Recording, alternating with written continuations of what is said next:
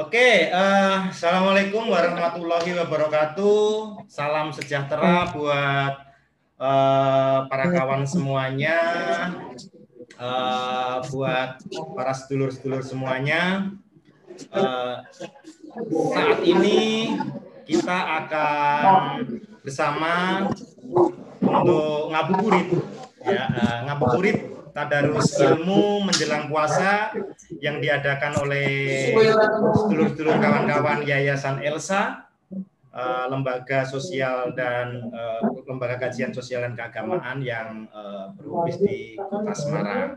Nah, kali ini kawan-kawan dalam sesi tema besarnya kesehatan masyarakat kita mendatangkan salah satu narasumber uh, yang uh, sudah berada bersama dengan kita semua di sini. Ada Mbak Anis Nova. Halo Mbak Anis Nova. Oke, okay, sehat Halo, ya Mbak Mas ya? Wahyu. Oke, okay, siap. Sehat-sehat Mbak. Sehat, Alhamdulillah. Oke. Okay. Uh, lumayan. Nah, subtopik dari tema kesehatan masyarakat kita saat ini nanti kita akan ngobrol-ngobrol banyak dengan Mbak Anis Nova. Uh, temanya kita adalah uh, bagaimana sih strategi-strategi uh, uh, bagi kawan-kawan uh, dengan HIV positif ketika menjalankan puasa? Ya, ketika kemudian menjalankan puasa, kita hadirkan uh, Mbak Anis ini karena Mbak Anis ini adalah uh, seseorang yang nanti biar cerita sendiri biar akan lebih asik uh, karena kawan-kawan oh kawan-kawan dengan HIV ini uh, cukup cukup mempunyai tantangan uh, dalam menjalankan uh, ibadah puasa karena harus mengasuh ARV atau antiretroviral ya untuk menekan uh, angka pertumbuhan virusnya di dalam tubuh. Begitu ya. Nah, uh, kita mulai saja biar kemudian uh, bintang tamu kita, nah ini perdana sekali saya rada-rada grogi juga kalau uh, ngobrol dengan konteks yang seperti ini dengan Mbak Anis Nova.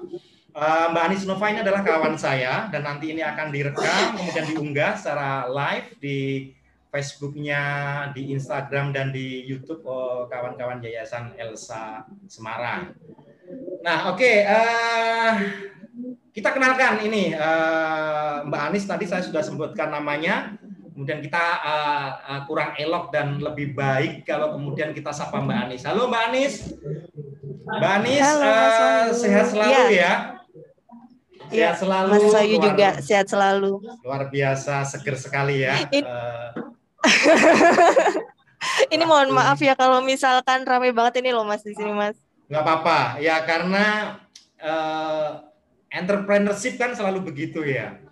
Uh, apa iya, namanya? Iya, iya tidak bisa uh, lepas dari kesibukan-kesibukan di luar kesibukan yang lain. Oke, silakan Mbak Anis. Enggak sih Mas, uh, enggak sih Mas. Oh enggak juga. iya. Oke, uh, Mbak Anis silakan sapa kawan-kawan yang uh, nanti akan menonton biar uh, apa namanya tahu siapa itu Mbak Anis Nova, uh, kemudian seperti apa, bisa serahkan silakan monggo kenalan dulu. Silakan Mbak Anis.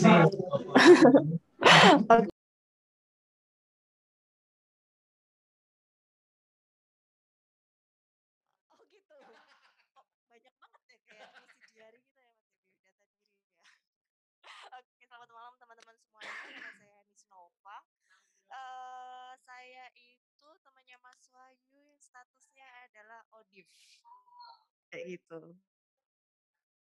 Apalagi ya, Mas saya bingung soalnya. Ya, uh, Mbak Anis Nova ini kawan-kawan uh, para kawan Elsa dan kawan-kawan yang lain. Mbak Anis ini uh, kawan saya yang uh, bagi saya saya merasa Mbak Anis ini orang yang sangat luar biasa. Kenapa luar biasa? Karena hadir di dalam uh, saya kayak gini dengan kemudian uh, open status sebagai orang dengan HIV itu suatu sebuah nyali yang luar biasa.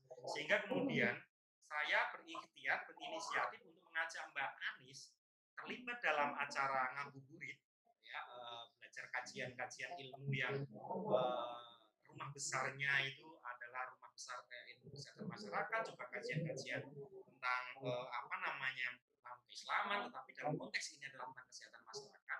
Karena ini menjadi penting. Uh, saya rasa ya dengan melibatkan Mbak Anis. Kenapa? Karena Mbak Anis ini uh, adalah orang yang dengan HIV tadi dan berani coming out, berani uh, uh, apa namanya itu uh, dengan menggugurkan uh, apa ya dengan menggugurkan risiko-risikonya dan uh, lebih memilih untuk kemudian menebar manfaat. Ya, tentunya ini adalah salah satu tebaran-tebaran manfaat yang akan di apa namanya di, di, uh, di diambil oleh kita dalam Oke, okay. Mbak Anis boleh bercerita dong. Uh, ya saya ya. tidak ingin sedang me, uh, apa namanya? saya? Sedang tidak ingin interogasi. Iya menginterogasi bukan ya tapi kita ngobrol aja oh. gitu ya. Apalagi ingin me, apa ya, ya, ya, ya. ingin mengorek tentang masa lalu mbak Anis enggak bagi saya kayaknya itu nggak penting ya.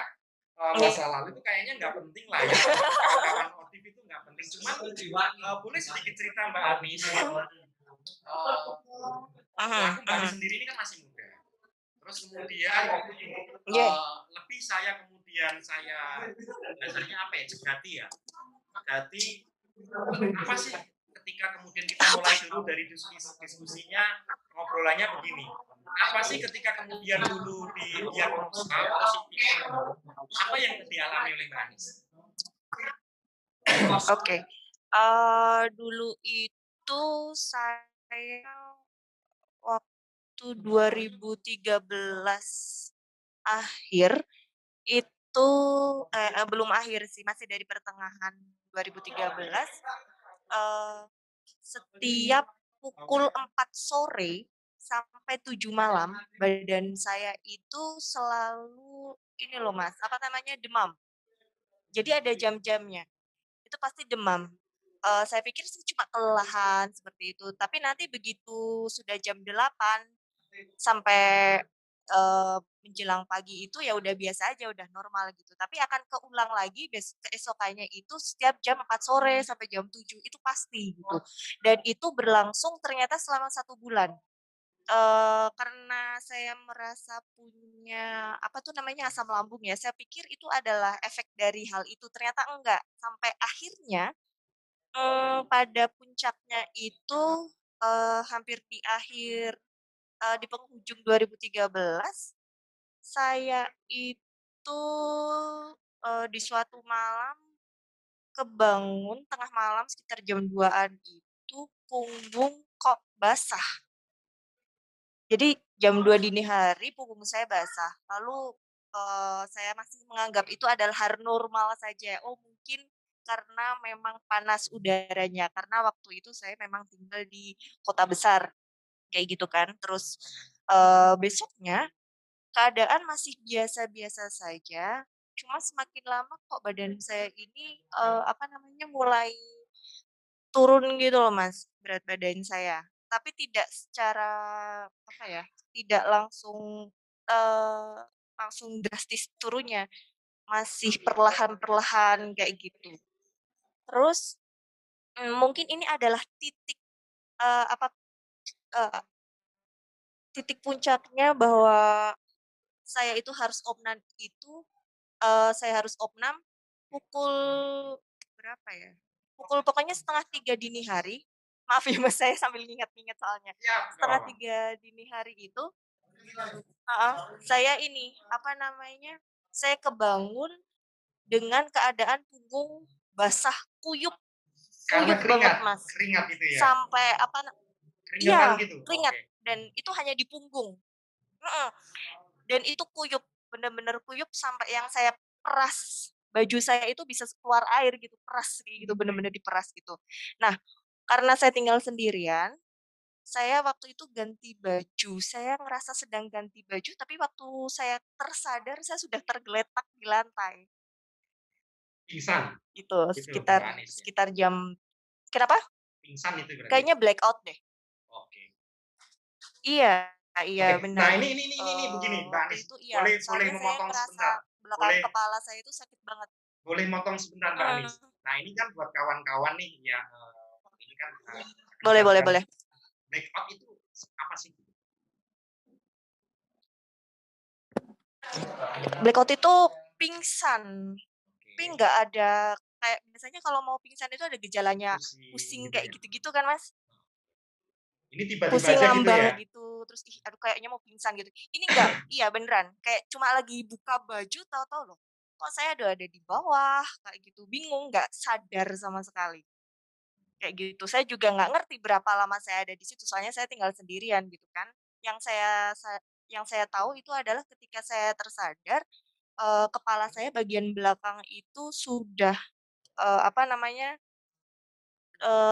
benjol. Benjol gitu loh, Mas, gede banget. Kayaknya sih kena heeh, kena kena sesuatu kayak gitu kan. Nah, dari situ saya langsung panggil ambulans, saya langsung lari ke rumah sakit terdekat di situ. Dan Saya sendiri mendapatkan ya? infus segala macam, badan saya sendiri sendiri, iya sendiri. Iya Perempuan tangguh ini perempuan tangguh Terus kemudian, eee oh, saya Power Rangers, Mas. Oke, kemudian apa namanya, eee, saya ditangani biasa aja, saya dikasih infus vitamin C atau apalah saya kurang paham, badan saya agak membaik. Kemudian saya kembali ke rumah dan saat itu, eee, badan saya hanya membaik beberapa jam.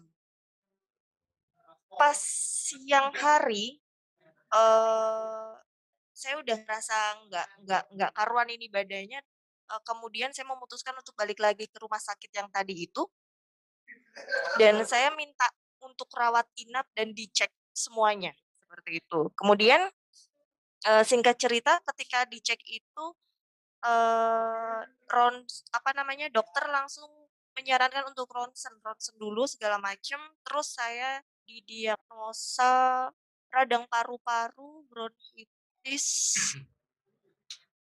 radang paru-paru, bronkitis, sama TB apa kalau nggak salah heeh, radang paru-paru, bronkitis, sama TB.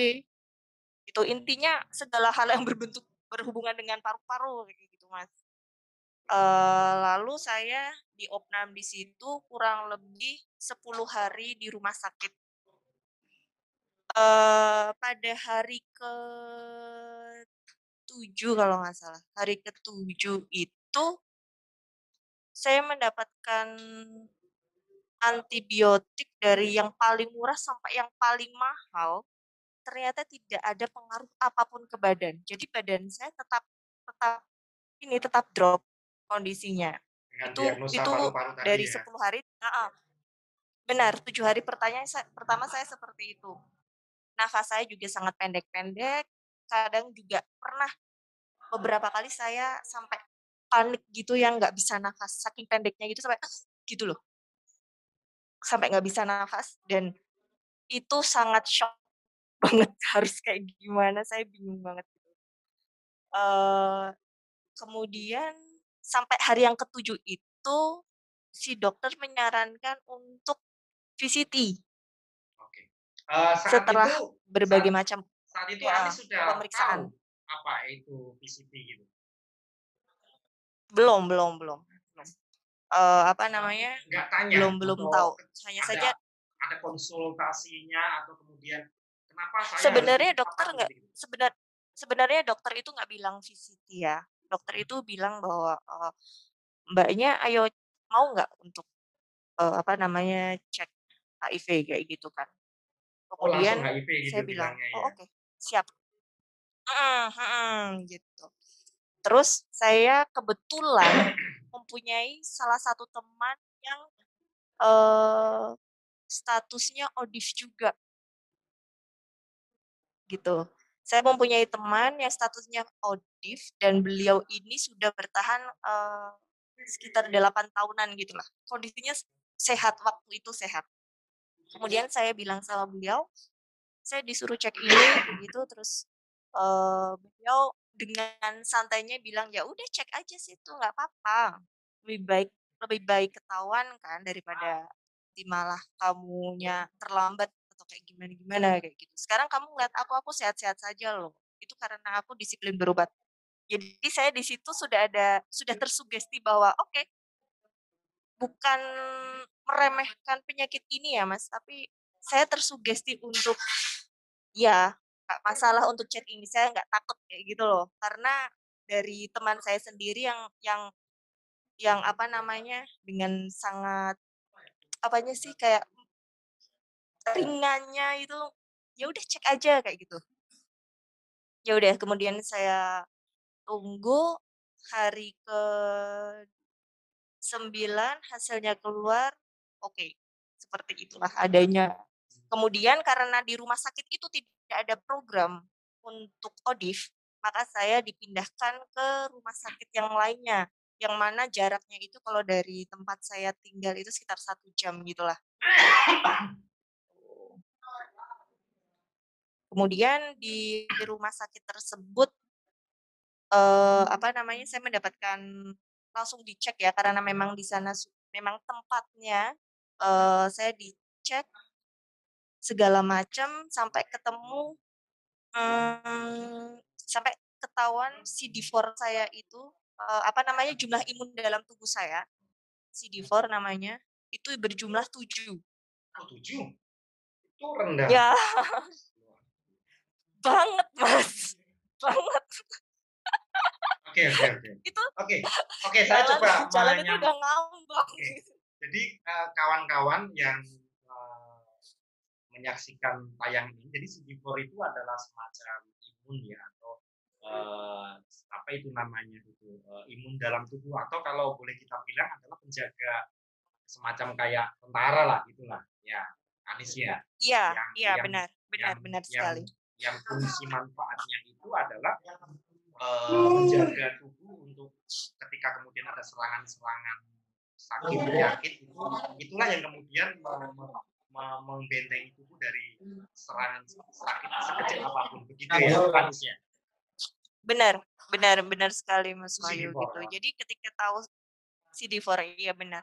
Jadi ketika tahu si dokternya tahu bahwa CD4 saya tujuh uh, yang saya sangat respect sekali dengan tenaga medis yang waktu itu adalah mereka menanggapinya dengan sangat santai tapi meyakinkan saya bahwa enggak kamu bisa sembuh kok kamu bisa sehat lagi kok kayak gitu loh jadi di apa namanya waktu itu juga dokter ini menjelaskan bahwa di kondisi saya di dengan CD47 itu adalah uh, kamunya na kamu nanti akan ini loh kalau misalkan mohon maaf ya di di alat vital kamu nanti ada herpes atau segala macam segera cek langsung ke sini ya gitu dan ternyata memang benar gitu. waktu itu juga uh, apa namanya apa yang dikatakan sama dokter itu terjadi sama saya jadi sebelum saya apa namanya ya sakit parah saya sudah tahu gejala-gejalanya maka saya langsung lari ke dokter tersebut dan penanganannya itu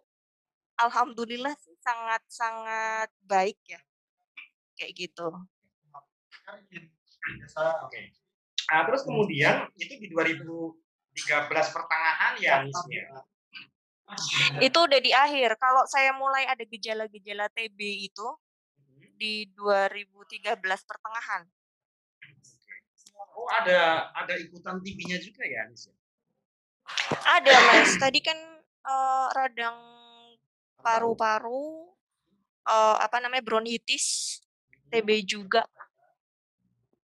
Oke, jadi uh, kawan-kawan uh, yang menyaksikan tayangan ini, jadi TB itu hampir menjadi penyakit yang mengikuti sebagai penyakit penyerta kawan-kawan motif ya, ya, itu ya. Iya, iya benar. Setahu saya memang seperti itu. Oke, nah terus kemudian begini nih, uh, pasca kemudian itu kan di akhir 2013 ya uh, dan kemudian uh, uh, terdiagnosa dan kemudian uh, itu masih di kota besar terus kemudian uh, tentunya kan uh, ini sependek saya tahu nih ya nah ini saya untuk untuk info ke kawan-kawan juga yang menyaksikan tayangan ini. Katanya kalau kemudian kawan-kawan uh, yang otis itu itu harus mengakses sebuah uh, obat ya. Yang namanya itu yeah. antiretroviral atau ARV per mulai kapan itu? Anies? Bisa mungkin berbagi buat kawan-kawan? Tiba-tiba memutuskan atau ada pertimbangan yang lain atau atau kemudian pasca didiagnosa, pasca operan tadi itu masih ada jangka waktu lama di, di apa namanya untuk, oh. untuk mengakses itu? Enggak enggak enggak. Dulu itu, eee, apa namanya, saya diberi obat TB dulu sebelum ARV. Diberi obat TB dulu sekitar, eee, aduh saya agak lupa sih Mas, soalnya 1 minggu apa 2 minggu kayak gitu. Kemudian setelah disuruh eee, di diberi obat TB beserta dengan obat-obat yang lain. Saya mohon maaf agak lupa. Kemudian disuruh balik lagi untuk cek. Nah, di situ, eee, saya baru diberi ARV. ARV yang saya dapat itu jenisnya triple FDC. Oke, triple Ini istilah-istilah iya bener kalau ya. nggak salah triple FDC Sudah heeh, sudah kalau nggak salah, sudah sudah itu ya, sudah varian itu ya? Mhm, obat yang obatnya 1 kali minum. Eh, iya apa enggak sih ya? Triple FDC ya? Iya bener Iya, kalau nggak salah. FDC.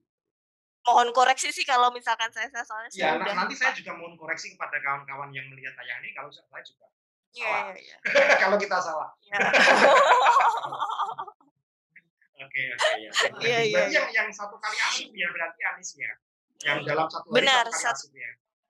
1 kali asup dalam 1 hari, mhm. Eee, apa namanya, saya saya cuma dis saya waktu itu sama dokternya cuma disuruh minum saat malam hari. Kenapa? Saat malam hari. Kenapa malam hari? Karena efek sampingnya itu ternyata mmm, bikin badan lemas gitu loh, Mas. Jadi Oke. setelah minum minum ARV yang tipe itu, tipe tipe itu tuh mendingan langsung tidur. Kayak gitu. Dokter saya memang menjelaskannya sedetail itu sih. Oh "Nanti berarti kamu oke, saya sampai po 4 saya hari nih. depan" Berarti sebelum mengasup, makan obat itu, itu sudah ada ini ya, konsul ada konseling atau ada diberikan, eee, pengarahan dari tim medisnya atau dokternya ya, konselornya ya? Efek Benar samping, benar. ininya ininya, cara Benar. Komplit. Mas komplit Mas. Ya, jadi, eee, apa namanya, saya diberitahu bahwa efek sampingnya itu kalau obat yang jenis ini kamu akan mengalami lemas mulai nggak jelas gitu, paling tidak itu 4 hari. Jadi kalau misalkan kamu besok paginya, kamu kayak nggak bisa turun dari kasur, kamu cuma bisa melangkah perlahan aja gitu, cuma buat ke kamar mandi, kamu jangan takut. Karena memang itu adalah efek samping dari si obat tersebut. Begitu. Jadi ya, eee, ya sudah saya percaya sama dokter, kurang lebih 4 hari, efek sampingnya memang seperti itu. Nah di hari ke-5, itu, eee, apa namanya ya, efek sampingnya itu mulai berkurang jamnya gitu loh Mas, yang tadinya 1 hari full gitu kan, itu udah mulai berkurang lagi jamnya. Kalau saya tidak salah hitung ya, karena saya kadang suka iseng hitung hitung hitung berapa lama efek samping yang ada di dalam tubuh saya, itu kalau nggak salah, eee, di hari yang ke-5 saya konsumsi itu sekitar 6 jam. 6 jam saya dalam keadaan yang, apa ya bilangnya, ini boleh nggak sih ngomong sebenarnya, kayak orang ngambang ngambang-ngambang gitu loh Mas. Kayak fly gitu ya? Kayak fly gitu? Nah, iya. Iya gitu ya? Jadi Iya iya, kalau kalau gitu saya ya? sih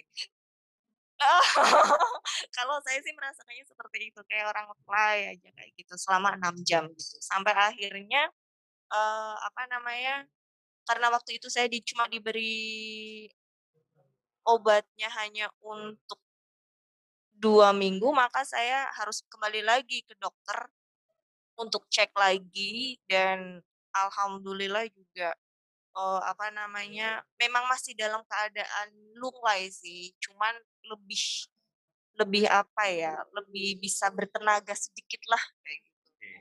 Nah waktu itu Ah. juga baru di eee, sama si dokter juga sebenarnya ditanyain, "Ada efek lain nggak? Atau kayak gimana ke tubuhmu?" Gitu. Kalau misalkan memang, eee, tidak cocok ke tubuh, itu regimen dari ARV-nya akan diganti, tapi alhamdulillah cocok-cocok aja sih untuk itu. Makanya setelah itu baru dikasih 1 bulan, kayak gitu loh. Nah, itu berarti, eee, atas efek sampingnya itu ketika dimakan secara rutin atau diminum secara rutin itu berkurang gitu ya, Anis, ya? Iya.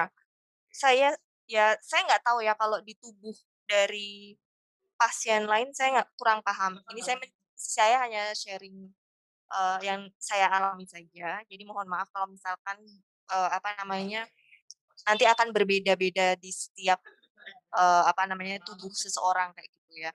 Kalau di saya itu pokoknya terakhir saya selalu menghitung sampai dalam saya keadaan sudah sehat itu saya paling nge-fly itu sekitar satu 2 jam. Dari 6 menjadi 1. Ya nggak apa-apa nih, pikir saya, Iya bagi iya. saya, ya karena Anies ini kan yang yang mempraktikkan, yang mengalami. Jadi kalau nggak salah pikir saya kemudian menceritakan bahwasanya, eee, apa namanya, saya seperti ini, mungkin orang lain akan beda ya, tetapi atas, apa namanya, keputusan Anies untuk, eee, kemudian, udah kita jalanin aja, saya akan menjalani, eee, risiko-risikonya untuk kemudian ikhtiar sehatnya kan begitu ya, Anies, ya? Eee, tentu kalau setiap orang Iya akan bener mempunyai bener. yang berbeda ya. Cuman gini, Anies, aku pengen tanya nih, apa yang menguatkan kemudian tiba-tiba Anies memutuskan untuk, "Udah deh, saya terapi air." Karena ini rata-rata, eee, rata-rata ini kawan-kawan itu berat memutuskan untuk memulai terapi. Kenapa Anies kemudian memutuskan, "Udah, saya harus mulai." Oke, jadi, s eee, beruntungnya saya mempunyai teman yang sudah senior, lebih duluan kayak gitu, itu adalah saya mendapatkan ketenangan ketika memutuskan untuk, "Oke, saya mau cek cek VCT pertama kali itu." Di saat itu saya sudah sudah ya ya ya udah mau gimana lagi gitu, tinggal diobati, toh juga udah ada obatnya, lalu apa yang dipermasalahkan gitu, sesimpel itu dulu. Ketika Makanya itu nggak berpikir ketika dokter bilang, "Oke denial, kamu" gitu, nggak terpikir denial terus kemudian No marah? no no. Oke. Apa yang menguatkan Di itu, saya, Ya. alhamdulillah tidak. Ya gimana ya, saya mau denial gimana, orang saya sudah sakit keadaan kayak gini tuh mau kayak gimana gitu. Saya tuh mikirnya hanya satu, gimana caranya biar saya sehat lagi, gitu aja. Untuk permasalahan ke belakang bagi saya udah, apa ya, mmm, itu saya tutup dulu deh, kayak gitu. Waktu itu saya mikirnya kayak gitu, "Ah, saya tutup dulu, yang penting gimana caranya saya bisa bertahan hidup, saya bisa kembali sehat lagi, dan, eee, apa namanya, saya ingin beraktivitas normal lagi," kayak gitu. Karena saya melihat ada contohnya nih, teman saya ini yang memang sudah lama, eee, statusnya ODIF, dia dia bisa produktif lagi, bisa sehat lagi. Seperti itu sih, Mas, kalau saya ya, gitu. Nah, eee, boleh ya nanya nanya iseng gitu ya, Anies, ya? Oke, kan Boleh. iya, orang itu kan punya fluktuasi nih, Anies, ya. Eee, atas atas Mhm. atas psi psikis, atas psikologi, atas suasana hati itu kan pasti punya fluktuasi ya. Nah, Iya, dari tahun benar. 2013, Anies tadi sampaikan bahwasanya mulai air putih. Terus kemudian, eee, ini berarti tahun ke-7 kan ya, masuk tahun ke-7 ya, Anies, ya? Eh, bener nggak sih ke-7 nggak sih? Eh, Tahun ben ke-8 8, ke-8, 8 Mas, sorry ya, ke-8. 8 ya, 8. Mhm. Nah, ini nih, Nis pernah nggak terus kemudian di apa itu namanya ya, namanya itu ha suasana lah ya, suasana hati, itu kan orang itu kan ada kadang naik, kadang peak gitu kan, kadang kemudian down gitu kan. Pernah nggak sih ngalami kemudian memutuskan, "Udah deh, drop deh, capek," gitu? Bosen maksudnya, Mas? Iya. Ini kan Oh, iya kan iya seumur hidup iya, kan ya pasti kalau ASI pasti. ya? Iya iya, seumur hidup, Kak. Biasanya Tahun sih di ta tahun waktu tahun pertama ke berapa itu, Nis? Tahun pertama. Tahun Oh. pertama itu saya ada titik, "Ah, capek banget sih minum terus," kayak gitu. Padahal tub saya merasa kalau tubuh saya itu udah sehat, kayak gitu loh. Jadi, alhamdulillah recovery-nya itu sangat cepat loh, Mas. Mhm. Recovery-nya alhamdulillah saya cepat karena ada obat TB, diselingi dengan, apa namanya, vitamin-vitamin dari dokter, kemudian saya juga disiplin dalam, apa namanya, konsumsi ARV, kayak gitu. Jadi pemulihannya sangat sangat sangat cepat. Mmm, selain itu juga, apa ya, eee, saya sangat sangat mem-manage tingkat stres saya juga sih. Sebenarnya dokter itu selalu yang diutamakan itu, selain saya makan yang banyak, "Jangan stres ya jangan stres ya," gitu. Menjadi penting itu ya, Nis ya? Eee Mem mengelola stres ya? Banget banget. Banget banget. Oh ya ada sebuah cerita nih Mas, maaf Mhm. agak ngelantur nih. Iya. Si teman saya itu yang sudah senior itu, dia itu dia itu waktu tahun kapan kayak gitu, beberapa tahun yang lalu dia kan sudah undetect nih Iya. virusnya. Virus di dalam tubuh itu kan sudah undetect, sudah tidak terdeteksi. Dan dia itu mengalami stres yang lumayan, eee, apa ya, ya lumayan lama juga sih kayak gitu. Kemudian dia iseng, iseng dia cek, eee, jumlah virus yang ada di tubuh, namanya tes viral load, iya Eee, istilahnya. ya Jadi, benar eee, benar. Yang saya mau menyampaikan ke kawan-kawan yang menyaksikan tayangan ini ya, Nis. Jadi, viral load itu, eee, alat untuk mendeteksi atau tes untuk mendeteksi jumlah virus dalam tubuh ya, Nis, ya? Konteks ini HIV gitu ya? Benar, vir virus HIV iya benar sekali, benar benar. Nah, ternyata di tahun kemarin dia undetect, di tahun ini dia tes jumlah virusnya itu muncul lagi gitu loh. Itu hanya karena stres, stres yang berkepanjangan. Berkepanjangan. Jadi nggak cuma stres 1 hari, 2 hari aja Mas, yang memang berkepanjangan kayak gitu loh. Eee, dan itu memu bis bisa memunculkan, eee, si virusnya itu ya terdeteksi lagi ternyata gitu. Tapi kalau untuk urusan kenapa kok bisa ada kaitannya sama stres ya saya kurang paham ya. Tapi memang keadaannya seperti itu. Dokter selalu selalu bilang ke saya, "Jangan stres jangan stres," kayak gitu. Kalau saya nanya ke dokter, kalau misalkan saya pas lagi konsultasi nih, jatahnya saya ambil obat ke sana kayak gitu, yang dokter tanyakan tuh, "Eh, kamu gimana keadaannya sekarang? Happy nggak happy nggak?" Kayak gitu. Dia selalu menanyakan saya itu yang pertama kali dia tanyakan. Karena suasana hati, kebahagiaan itu separuhnya adalah obat kata orang orang pinter begitu ya, ya? Iya. Benar benar, saya setuju dengan itu gitu. Karena memang dari dari sekian jam saya konsultasi ke dokter juga, yang ditanyain tuh, "Eh, kamu cerita dong hari ini gimana di kerjaanmu, apa kayak gimana kehidupanmu?" Gitu. Jadi, eee, apa namanya ya, lebih kepada pendekatan ke apa sih, suasana hati saya mungkin ya, atau keadaan mental saya sih kayaknya. Jadi komunikasi itu menjadi penting ya, Nis, ya? Eee, jadi Iya bukan benar, bukan penting bukan sekadar hubungan terapeutik yang kemudian, eee, dokter konselor atau dokter sama pasien, tapi apa, ini kasih obat selesai, tapi lebih ke membangun relasi yang komunikatif ya, artinya ada apa ya, kalau istilahnya di itu bioetikanya lah ya, ada nilai-nilai etik ya. Iya. Itu sangat membantu sekali Iya, pasien benar. ya, Nis, ya? Dirasakan sangat membantu sekali ya? Banget, membantu membantu sekali karena memang apa ya namanya ya, Mas, eee, orang yang sudah, eee, punya status ODIF, itu tidak hanya tubuh saja yang diserang, tapi juga mental, mentalnya banget yang diserang kalau menurut saya. Orang orang, eee, tidak mau apa ya namanya ya, tidak mau berobat itu sebenarnya karena dianya sendiri mentalnya udah keserang. Mmm.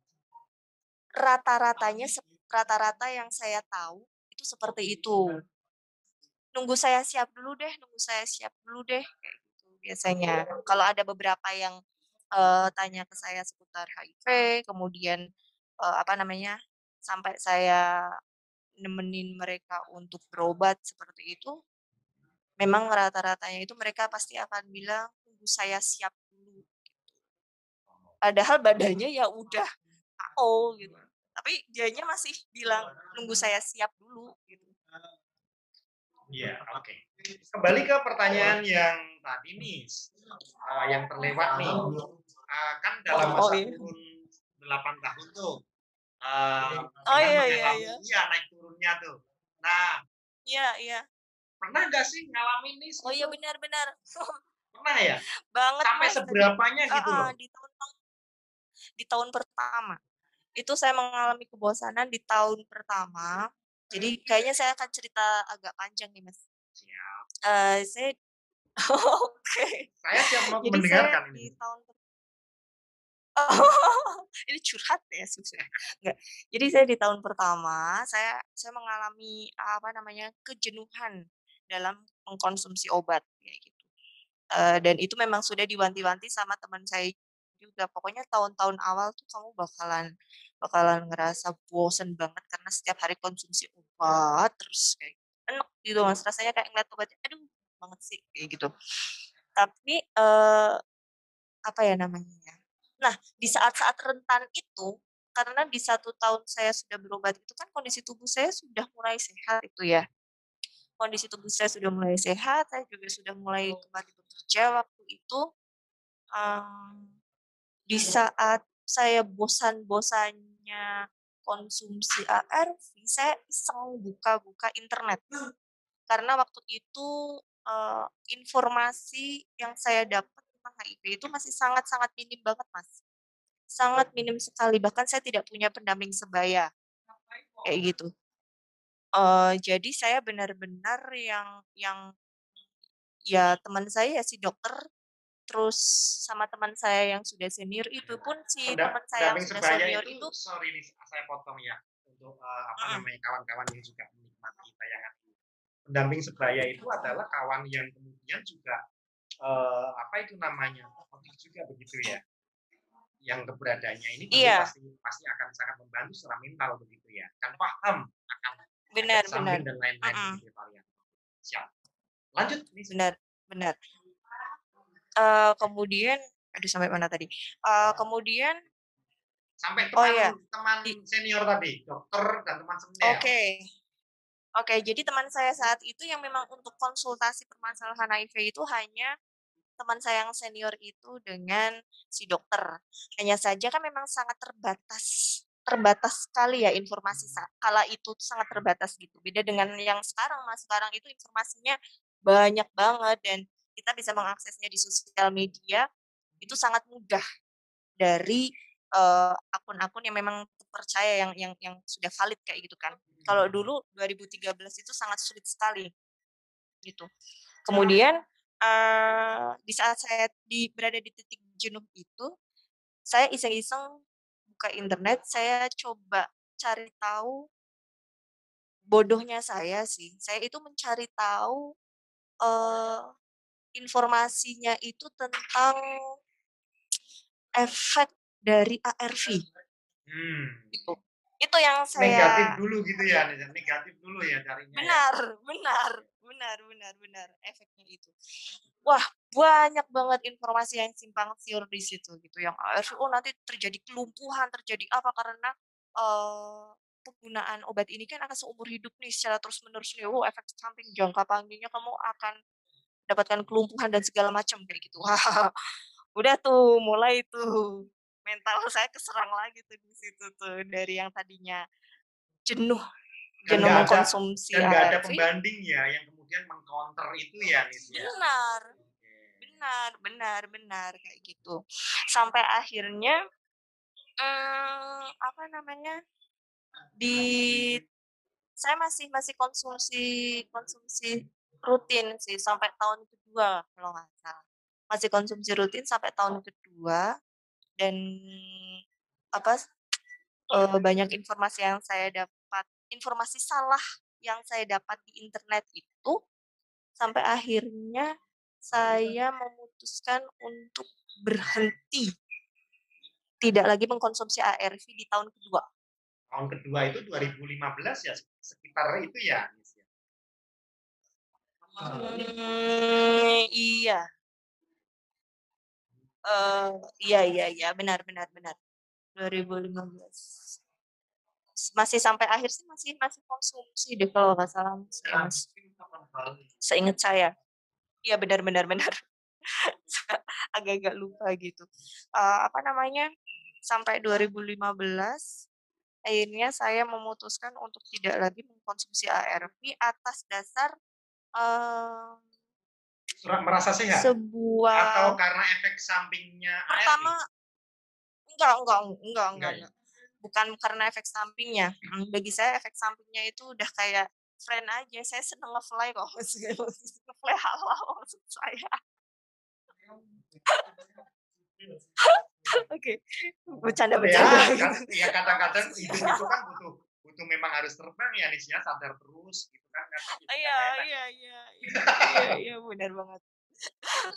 Apa namanya, nah, yang selain saya udah merasa sehat, saya juga terbuai dengan, eee, apa tuh namanya, saya sempat mendapatkan sebuah artikel bahwa kalau misalkan kita mengkonsumsi salah satu obat herbal yang mengandung apa dulu ya, pokoknya salah satu tanaman herbal itu buah merah heeh, buah merah, bukan bukan bukan, bukan ya? sambiloto sambiloto. Oh, sambiloto ya. Sambiloto kalau nggak salah. Heeh, benar. Itu itu itu kita bisa bisa ini, apa namanya, eee, imun kita terjaga, terus tubuh kita juga, apa namanya, jadi sehat kembali dan itu juga menjadi salah satu obat, eee, apa, obat HIV juga kalau nggak salah. Nah, itu lagi bayangin ini nih, sambiloto. Saya ini kan orang kampung juga ya, orang Iya. desa saya itu. Saya itu lagi bayangin Mhm. sambiloto-sambiloto gitu kan, karena ini juga harus ingatannya itu saya juga sudah sepuh ya, sudah tua kali. Sambiloto itu yang pahit itu bukan? Yang pahit Itu bukan nih? brotowali nggak sih, Mas? Oh, iya. Itu brotowali bukan sih? Keliru ya berarti saya. Oke, sambiloto pernah dengar, Karena tapi lagi bayangin itu bentuknya kayak apa saya kok agak lupa ya. Ini daun harus sambiloto saya juga kurang kurang paham, kan Soalnya waktu itu saya kan itu? beli beli sayur juga kan itu ya? saya kurang paham ya, Mas. Nah, Yang jelas ya. waktu itu saya belinya sudah dalam bentuk pil. Oh, udah Di diekstrak gitu ya? Sudah diekstrak dan Mhm, dikomersilkan ya? Itu jangan-jangan Benar artikel benar, artikelnya yang dibaca sama Anis itu artikel yang dia bikin kayak gitu untuk jualan? Iya, mungkin ya mungkin ya. jadi ya. Ini asumsi nih. Mohon maaf Mungkin ya pemirsa, ini asumsi. Iya, benar benar. Benar. Jadi memang, eee, memang saat itu jadi saya mengasumsikan bahwa ini bodohnya saya lagi sih, karena memang kurang pengetahuan dalam, eee, apa namanya, mendapatkan informasi yang benar gitu ya. Eee, saya asumsikan bahwa kalau misalkan imun saya sudah terjaga ya berarti saya akan baik-baik saja dengan HIV, padahal tidak. Gitu. Itu adalah awal awal di mana saya ternyata, eee, tubuh saya itu dari 2016 sampai 17 itu yang tadinya sudah sehat itu jadinya, eee, saya sakit lagi. Selama 1 Oke. tahun itu saya tipes itu udah sampai 4 kali, Mas. Oh. Ini Mhm, karena ini karena juga gitu. pola makan, terus AB terhadap ini akhirnya kemudian kayak semacam membalas dendaman gitu ya, Nis, ya? Oh, ternyata Kalau pola makan enggak enggak, Mas. Gini, Mas, mohon maaf, Mas, kalau pola Hmm. makan itu saya baik-baik saja gitu. Saya Oke. saya tergolong omnivora kok, Mas, soalnya pemakan segalanya. Siap siap siap. Bagus itu. Kayak gitu. Jadi makan-makan biasa aja gitu. Hanya saja saya memang, eee, memutuskan untuk berhenti mengkonsumsi ARV dan ber berbelok eh, ber be apa namanya, pindah haluan untuk konsumsi Herbal. herbal saja. Karena pendek pikiran saya itu adalah dengan menjaga imun saja, itu semuanya udah baik-baik saja gitu. Hanya Hmm. imun saja ya, itu semuanya baik-baik saja. Ternyata enggak. Ternyata enggak. Jadi di 2017 singkat cerita, setelah 1 tahun saya tipes 4 kali, eee, 2017 awal itu, eee, mulut saya udah mulai keluar jamur tuh putih-putihnya. Nah, itu saya sudah langsung, "Wah, ini saya harus ke dokter lagi nih," kayak gitu. Kebetulan tahun 2017 kan saya sudah pindah ke kota kecil nih, balik lagi ke kampung nih, kayak gitu. Jadi, eee, saya nggak bisa balik lagi ke dokter yang lama, yang di kota besar itu kan. Gitu. Terus, eee, di 2017 saya kok sudah ngerasa gatal-gatal di wajah. Hmm. Gatal-gatal di wajah, eee, gatal-gatal di area lengan, Hmm. dan itu gatalnya yang bener-bener gatal itu kumatnya itu malam hari itu yang aduh gatal banget, Mas. Bentol-bentol kecil kayak gitu. Ini yang yang apa namanya, gejala yang saya muncul, eee, waktu 2017 ya. Eee, kemudian saya pergi lagi ke rumah sakit, eee, apa namanya, rumah sakit yang ada di kota Kota kecil tadi? tetangga. Kota oh kota tetangga. Enggak, kota tetangga. Mmm. Di kota tetangga, saya berobat, apa namanya, saya cek cek cek ini, cek, mmm, cek CD4. Mmm. Saya cek CD4 di sana, kan harusnya cek CD CD4 itu dulu ya, dulu itu 6 bulan sekali, kalau sekarang kan 1 tahun sekali ya, kalau nggak salah ya, kalau nggak salah gitu. Tapi kalau di awal-awal saya memang disuruh cek itu 6 bulan sekali. Nah, waktu itu saya cek CD4 lagi, ternyata saya itu CD4-nya dari 100 100 apa 200 sekian, itu malah jadi 12. Oke, turun lagi ya, Nis, ya. Terus itulah kemudian Benar. heeh, terus itulah kemudian akhirnya memutuskan Anis untuk kembali lagi? Atau ataukah semudah itu ataukah ada memang kemudian ada pertimbangan Belum, lagi? saya saya Belum ya? saya saya belum, dokter belum menyarankan itu, dia cuma, "Loh, kamu kok dari dari CD4 yang tahun kapan segitu kok menjadi turun, kenapa?" Akhirnya saya jujur, saya Mmm. sudah stop ARV segala macam, tapi saya mengkonsumsi ini, segala macam kayak gitu. Wah, udah tuh kena marah dokter tuh di situ tuh.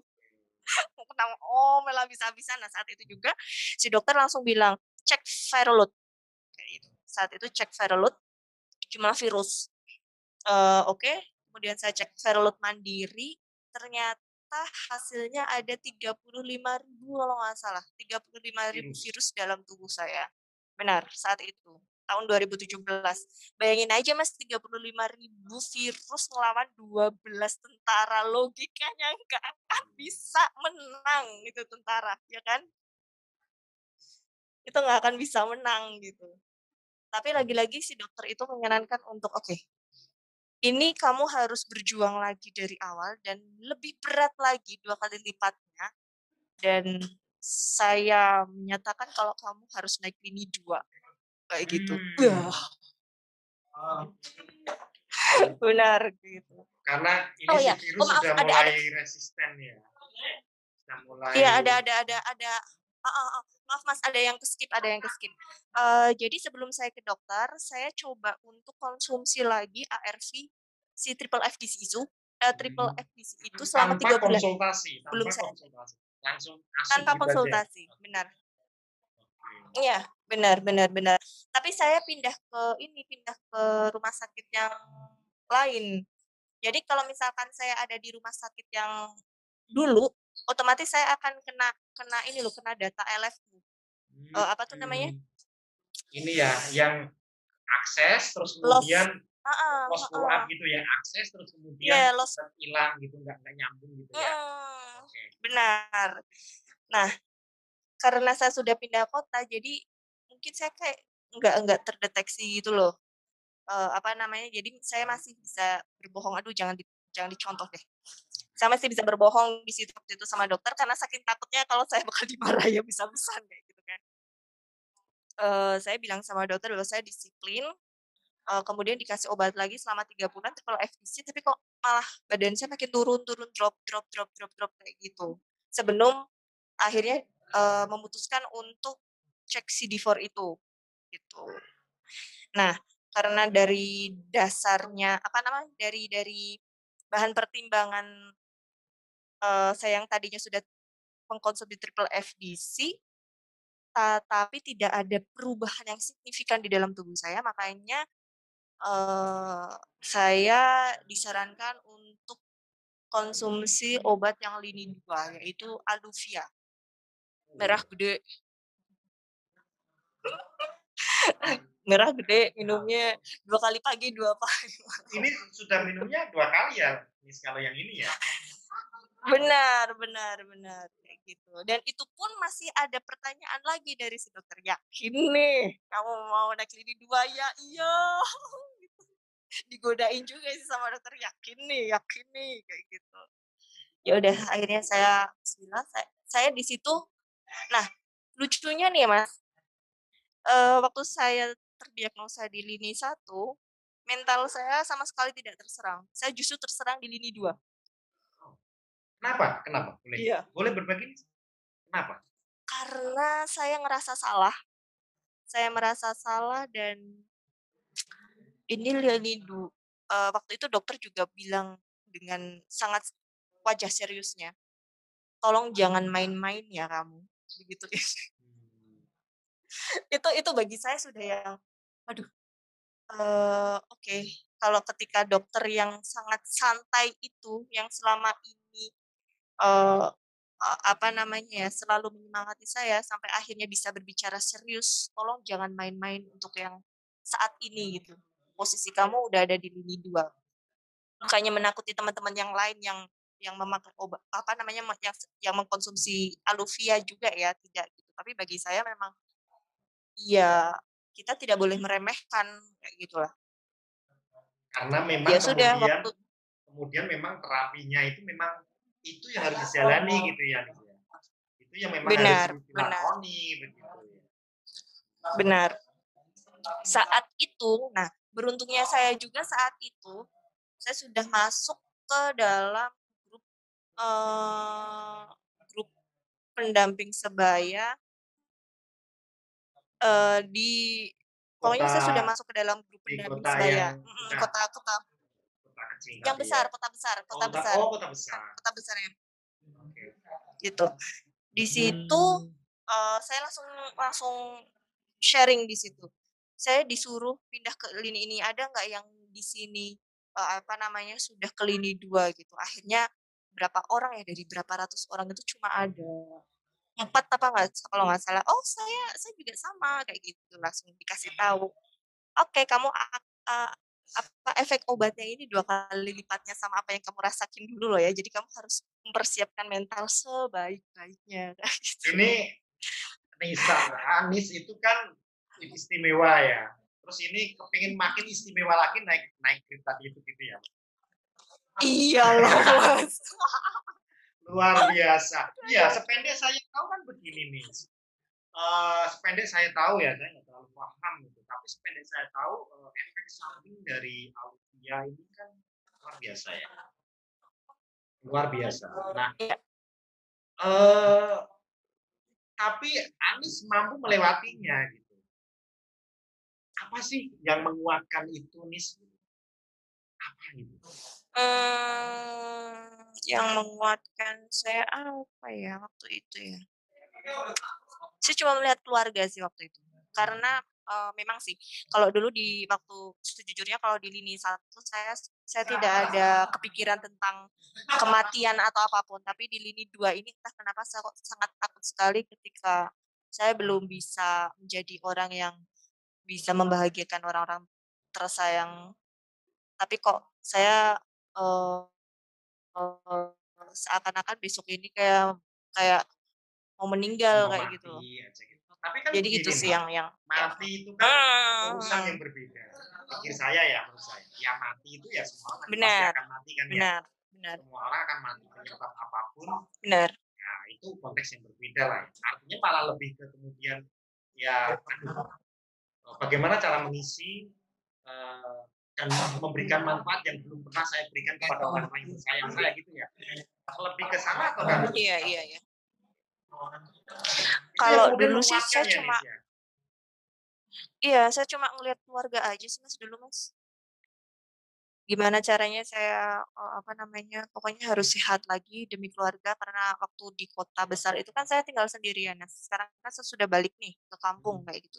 Jadi ngelihat orang tua saya kayak gitu tuh tiap hari ketemu terus yang mereka nanya, "Kamu tuh sakit apa sih kamu tuh sakit apa sih? Itu sakit apa sebenarnya?" Gitu. Saya selalu berpura-pura bahwa ini, eee, adalah sakit paru-paru paru-paru kayak gitu. Terus waktu saya juga lagi sakit-sakitnya, puncak-puncaknya sakit itu tuh, eee, saya ngelihat sendiri bagaimana orang tua saya itu tuh prihatin.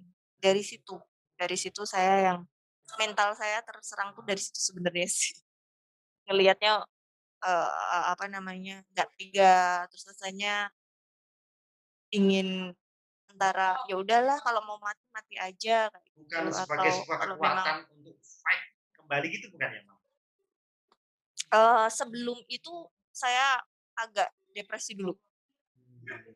Sebelum akhirnya memutuskan untuk itu. Jadi saya mengalami fase depresi itu di lini 2. Oh. Kemudian ya heeh, ketika saya sudah mulai berobat, keadaan mulai membaik baru baru apa namanya, eee, saya timbul perasaan bahwa, "Enggak sih kayaknya aku bisa deh kayaknya ini bisa bisa sembuh, tapi bisa sehat lagi," kayak gitu. Ya karena setiap hari ngelihat orang tua mungkin. Oke, iya iya.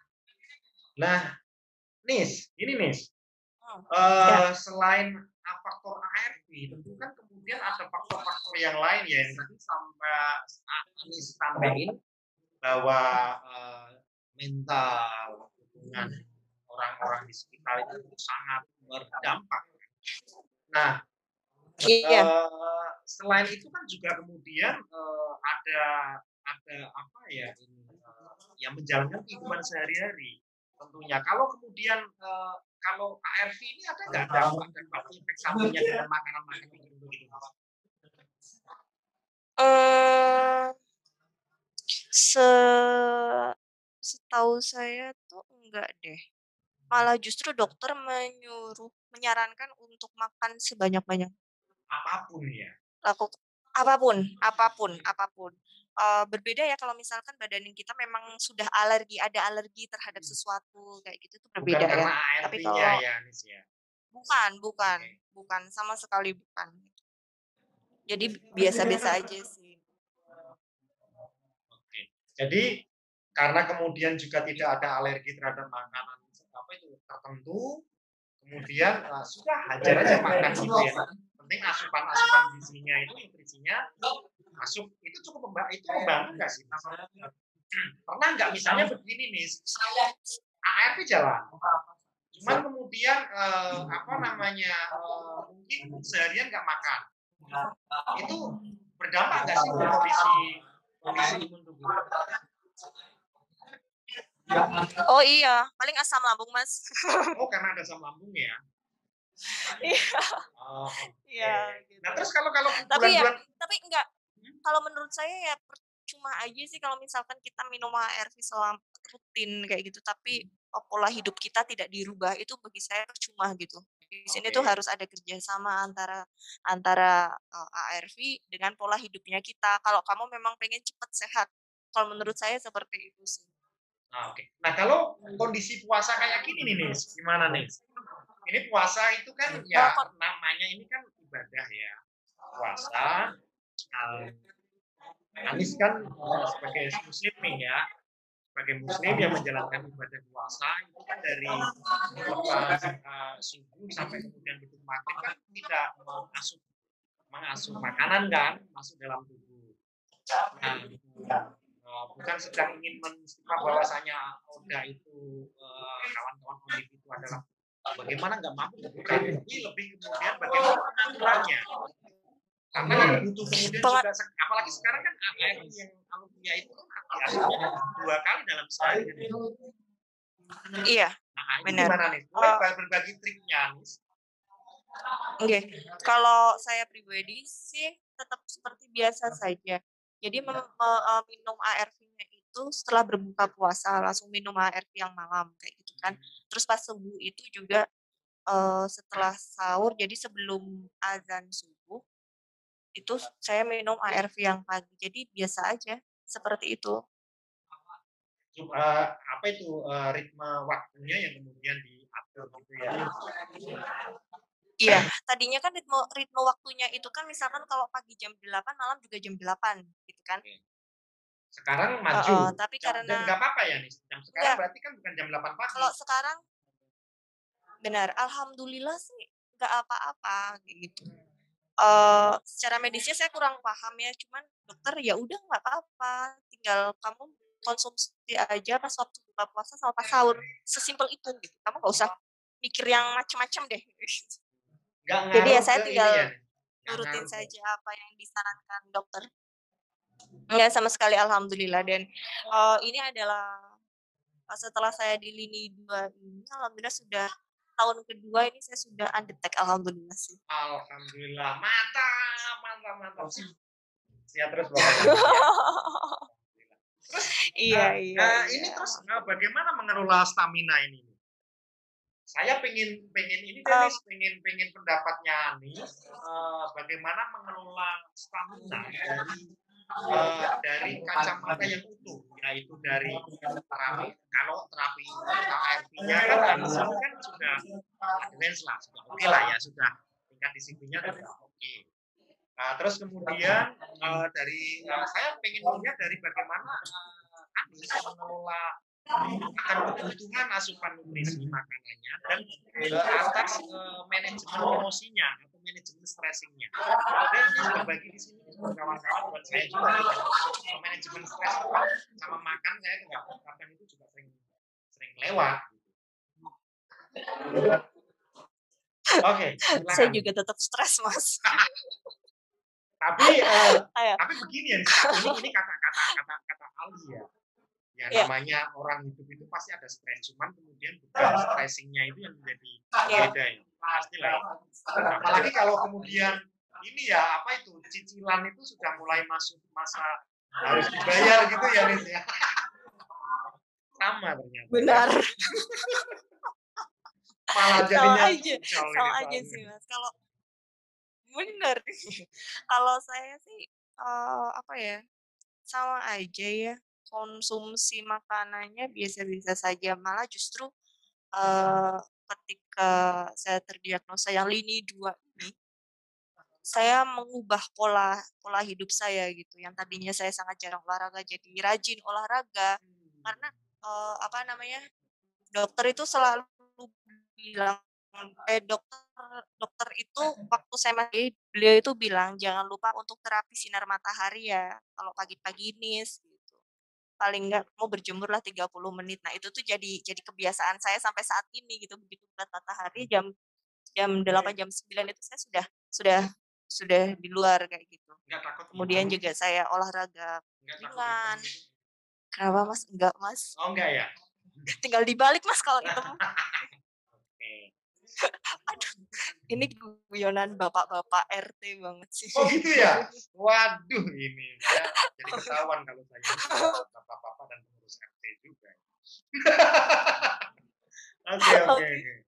Karena itu itu eksotis ya sebenarnya nih, Kalau kenapa kemudian ya? uh, apa? Nah, itu dia. Ah ya, Hidup eksotis. Eh, kita malah ngobrolnya ke mana? Oke, silahkan lanjut aja nih. Heeh, jadi yang yang uh, apa namanya ya? Kalau saya saya ketika lini 2 ini eh di proses penyembuhannya saya itu saya malah justru eh, semakin apa ya namanya? Semakin eh, menerapkan pola hidup sehat gitu. Ya nggak sehat-sehat banget juga. Orang saya juga masih makan gorengan, jam juga makan mie instan gitu. Maksud saya lebih kepada eh, Dibatasi lah ya. Dibatasi lah. apa ya namanya ya? Iya benar, saya rajin rajin olahraga kayak gitu. Saya rajin olahraga, kemudian dari sisi pergaulan juga apa ya sih? Memang sih saya percaya dengan yang namanya seleksi alam ya ketika kita berteman gitu. Tapi kalau saya diniatkan adalah eh, saya ingin mempunyai lingkungan yang positif. Jadi ya ya alhamdulillah saya mendapatkan lingkungan yang positif di mana eh, sampai saat ini 60% dari teman-teman saya itu sudah tahu status saya itu apa gitu dan mereka mau menerima gitu. Jadi eh, lingkungan yang positif itu dengan dengan apa didukung dengan gaya hidup saya yang eh, olahraga, makan makan mm, apa namanya berusaha beri kayak gitu. kemudian hmm, apalagi sih tadi ya saya lupa mau ngomong apa. Lingkungan Mohon yang ah, mendukung yang Eh, positif, makanan-makanan yang iya lingkungan yang yang mendukung. Benar makanan dan, makanan dan pun ada sebenarnya itu selektif ada selektif nggak nih kalau kemudian itu makan nggak nggak ada Baik. mas nggak ada saya kecuali siapa aja gorengan hajar tadi ya kecuali gorengan tadi iya sih tapi padahal kalau itu gorengan itu kan ada paling enak kalau anget nih kalau anget terus kemudian iya ada ya Allah. gitu aduh itu enak sekali ya enak banget itu mas beneran Nah, mas. dan ini nanti kita sedikit ngobrol makanan nggak apa-apa akan tayang di jam setengah lima mendekati buka puasa gitu uh, gitu benar gitu. Ya, kalau saya sih lebih kepada ya biasa-biasa aja sih nggak ada nggak ada apa namanya kiat-kiat khusus ya seperti seperti orang-orang normal pada umumnya saja sih karena sebenarnya menurut saya nggak ada pembeda doh nggak ada pembeda antara Odif dengan orang normal secara eh, kasat mata maksudnya eh, kita dilihat saya. dari luarnya itu nggak ada nggak ada pembeda gitu sepakat saya nih hmm. cuman saya dan, dan yeah. saya uh, anu nih rada terganggu tadi orang Odif dengan orang normal bukannya Odif itu juga normal uh, maksudnya uh, gini mas memang sama-sama normal hanya saja kalau Odif itu kan uh, kita hidup sudah dengan sudah punya pendamping sendiri, pendamping tanda kutip ya. Yang diketahui. Ini justru uh, itu, just, justru iya. jangan-jangan ya, yang gini nih, jangan-jangan orang yang macam saya ini malah yang nggak sehat loh. Karena nggak pernah olahraga, gitu kan, terus kemudian oh gitu, gadangnya oke, ngopi, terus kemudian katanya ngerokok juga gitu kan ya penikmat tembakau. Ini malah nggak sehat ya? Ini malah bisa jadi ya karena pendampingnya belum belum muncul ya Nis ya? Katanya pola pola iya, iya. kayaknya, kayaknya belum muncul deh. belum muncul ya karena setiap orang iya, nanti iya. kata misalnya terlalu makan banyak gorengan terus apa namanya minyak minyak kolesterol itu nanti kan pendampingnya kan akan dengan kolesterolnya lah, kemudian dengan penyakit degeneratifnya lah, cancer lah, jantung lah. Benar. Cuman memang bonusnya kawan-kawan Odif itu pendampingnya muncul di awal gitu ya. Iya, udah udah muncul di awal kayak gitu dan memang memang uh, uh, kalau saya sendiri sih memang sudah apa ya? Saya udah ajak damai si virus ini, saya udah ajak pacaran dia ya udah yuk hidup bareng kasarannya kayak gitu. Saya sering ngobrol sih sama diri saya sendiri maksudnya ditujukan ke si virus sendiri itu itu itu salah satu hal yang bikin saya uh, apa sih recovery-nya itu cepat kayaknya. Karena saya Jadi sering si virus sering ini sering diajakin ngobrol sih. gitu ya Nis ya? Si iya iya iya iya beneran beneran tapi, saya ajakin ngobrol dia kayak eh, tapi ini menarik nih. Saya itu kadang juga nggak mempraktikkan yang begini maksudnya begini. Kadang itu saya di beberapa benda-benda mati yang saya miliki. Uh, itu juga saya cekin ngobrol meskipun itu kemudian antara saya gila sendiri gitu. Karena motor nih saya punya motor buntut motor buntut saya ini kan suka suka ini ya suka bocor atau apa. Saya kadang bilang jangan jadi mau jalan mau beres dulu ya mau dulu saya juga kadang ngajakin ngobrol gitu nih tapi itu menarik itu uh, diajak ngobrol, diajak berdamai. Jadi memang sebenarnya iya. kuncinya itu adalah berdamai dengan dengan kondisi ya Nicia. Sebagai wujud syukur gitu ya. Benar. Benar gitu. Jadi saya memang memang sering ngajakin uh, si virus ini ngobrol, ngajak tubuh saya juga gitu. Uh, dan apa ya Mas ya? Saya sih belajar banyak dari dari gift yang sudah dikasihkan ke saya ini bahwa uh, ternyata selama ini itu saya kurang bisa mendengar apa yang ada di dalam tubuh saya gitu tubuh saya sendiri saya kurang bisa menghargai tubuh saya sendiri gitu. sekarang sih alhamdulillah lebih lebih bisa menghargai jadi uh, tubuh itu kan kayak punya alarm sendiri gitu loh mas jadi kalau misalkan kamu capek ya udah istirahat gitu tapi kadang kan kalau kita udah keburu nafsu, eh Cela udah kayak apa ya ceramah saya, mohon maaf. Keburu nafsu kan yang lain. Ada kalau apa namanya? Keburu nafsu yang lain yang bikin. Bukan nafsu yang begitu gitu.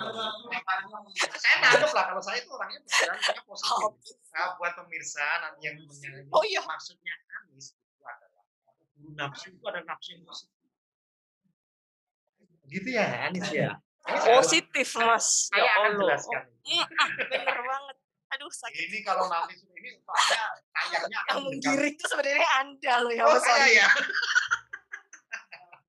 oke lanjut nih saya padahal aduh Ini puasa-puasa nanti kita akan menggiring mungkin ya. Iya iya, kayak gitu loh. Maksudnya kayak kalau misalkan tubuh kita udah capek, alarm tubuh kita udah nyala, kayak gitu. Harusnya kita harus uh, apa namanya, waktunya untuk istirahat, tapi kita kayak memaksakan diri untuk untuk diri sendiri, yuk ngelakuin sesuatu ngelakuin sesuatu, kayak gitu.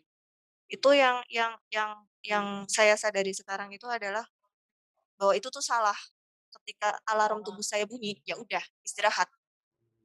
Seperti itu. Iya, kalau kalau saya sih seperti itu. Dampak baik dari saya beri, uh, hal ini itu seperti itu. Saya lebih sering mendengarkan tubuh saya, gitu. Jadi, mungkin itu salah satu hal yang buat recovery saya semakin cepat. Itu sih. Mantap, nih. Nggak kerasa loh satu jam, nih. Kita ngobrol kayak gini. Eh, masa sih? Serius. Padahal cerita jam. saya belum selesai loh, Mas. Oh, itu dia, sudah. Ini belum selesai nih, masih lanjut. Memang gini, nih, nih. Oh, dalam 10-15 menit saya akan mengajukan pertanyaan ke Anis. Boleh. Ya kan? Tapi dijawab dengan jujur. Nggih. Eh, begini, Nis. Eh, dengan eh, apa itu namanya? eh, dengan pengalaman yang luar biasa. Eh, dengan kehidupan sahabat di dalam tubuhnya Sis ini harapan yang kemudian masih terjaga sampai saat ini dan harapan harapan. Harapan saya itu adalah nggak muluk-muluk sih, Mas. Saya pengen tetap sehat dan produktif. Sampai memang memang ditakdirkan ya udah kamu saatnya saatnya udah selesai di dunia Pulang gitu ya, saatnya pulang ya sudah gitu kan ya. sehat, produktif dan bermanfaat. Sehat, Insya Allah itu aja. sehat untuk Anis ya. ya. Ya. Produktif tentunya kemudian untuk Anis juga. Manfaat untuk siapa? Untuk orang banyak. Oke. Sehat, produktif, Dan eh, bermanfaat dan bermanfaat.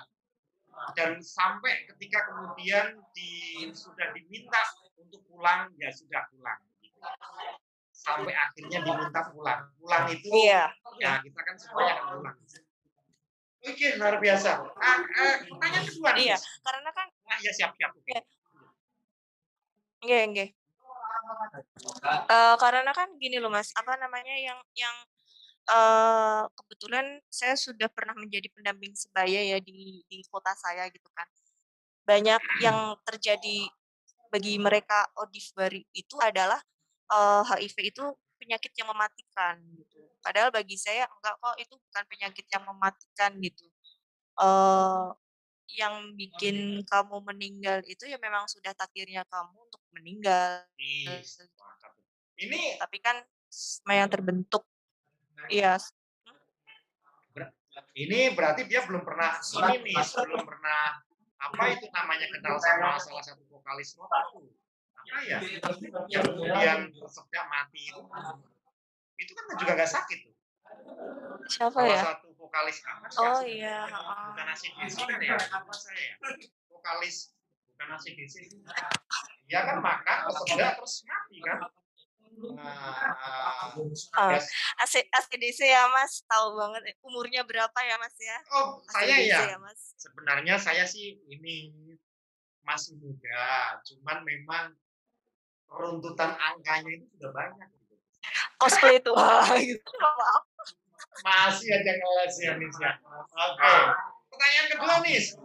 Ini sudah kamu sama. Iya.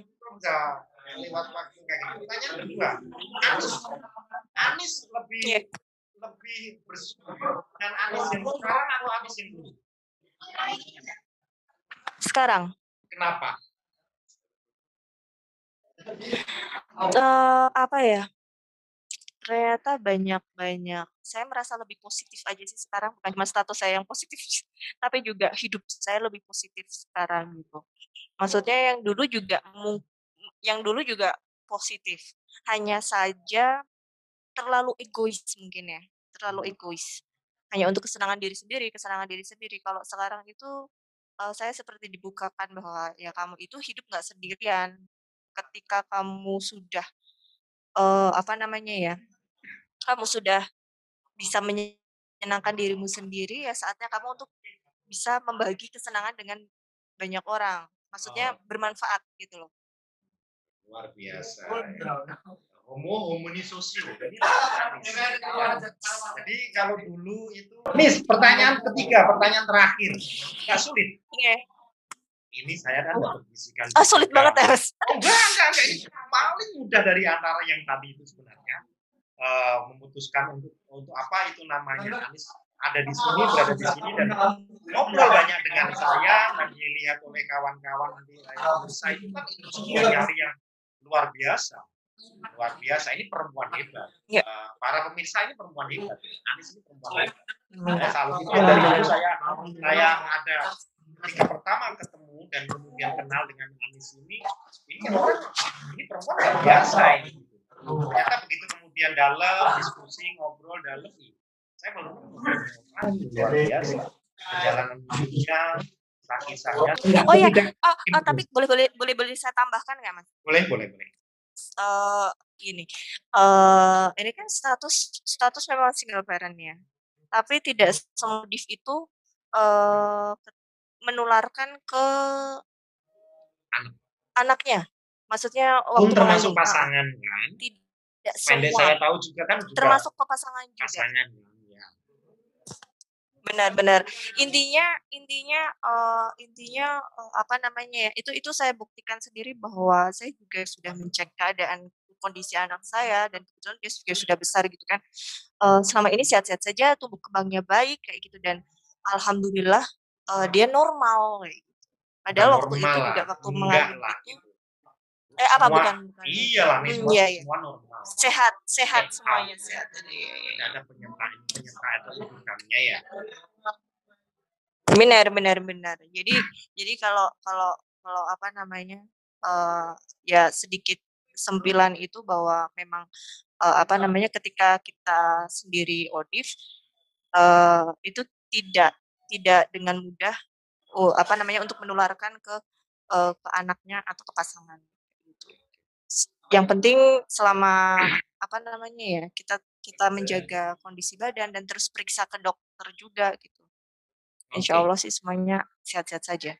Amin. Iya, intinya artinya ya sebenarnya ya itu tadi ya bisa kita sampaikan bahwasanya sahabat itu datang eh, kalau Anies dan kawan-kawan itu sahabatnya sudah datang dan di awal. Eh, orang-orang yang belum bukan berarti kemudian sahabatnya nggak datang di awal, tapi kan sahabatnya sudah datang karena memang kemudian eh, apa namanya itu ya paru-paru kolesterol, jantung, cancer segala macam. Oke, Iya Nis, benar. eh, Iya. luar biasa diskusi kita. Saya catat di sini itu ada 60 menit 70 72 menit. Eh, Oh, iya. terlalu menarik diskusi sama Oh, iya. terlalu menarik dan eh, kawan-kawan yang eh, nanti eh, apa namanya menyaksikan tayangan Ketika saya ngobrol dengan sudah dari mulai hal yang remeh-remeh sampai dari mencoba kehidupan segala macam apa tapi karena kita dibatasi sama waktu dan harus ini kan eh, beduk maghrib harus sudah selesai eh, artinya masa waktu 75 menit harus sudah selesai. Nah, ini kita akan sambung kapan-kapan waktu ya. Eh, Boleh, boleh. doa mendoakanlah Nis ya eh, bukan apa itu namanya Ah, tolong saya juga didoakan Anis sehat selalu kita ketemu lagi Amin. sebuah- mendoakan, Mas. Amin. Yes. Saling mendoakan. ya Anis sehat selalu saya sehat itu sebagai sebuah pengharapan atas atas harapan harapan untuk bisa ketemu lagi ya Eh, kawan-kawan yang Ya, menyaksikan eh, acara ini ya eh, kita banyak belajar dari sosok Anis perempuan tangguh perempuan hebat istilahnya Enggak lah, Mas. Kita sama-sama belajar, Mas lah.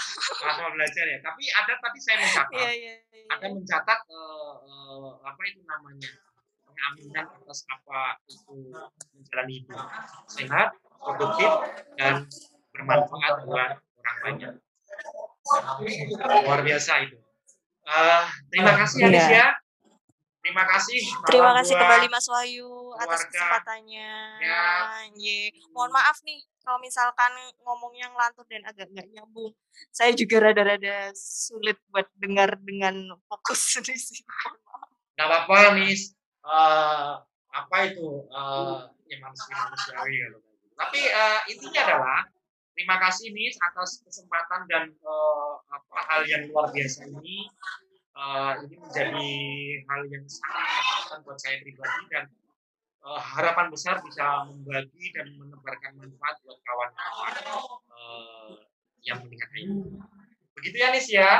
Salam buat Insya Allah. keluarga, salam buat kawan-kawan. Amin. Sehat pasti selalu salam. dalam maaf. Ya, salam buat semuanya juga Mas. Siap. Ye.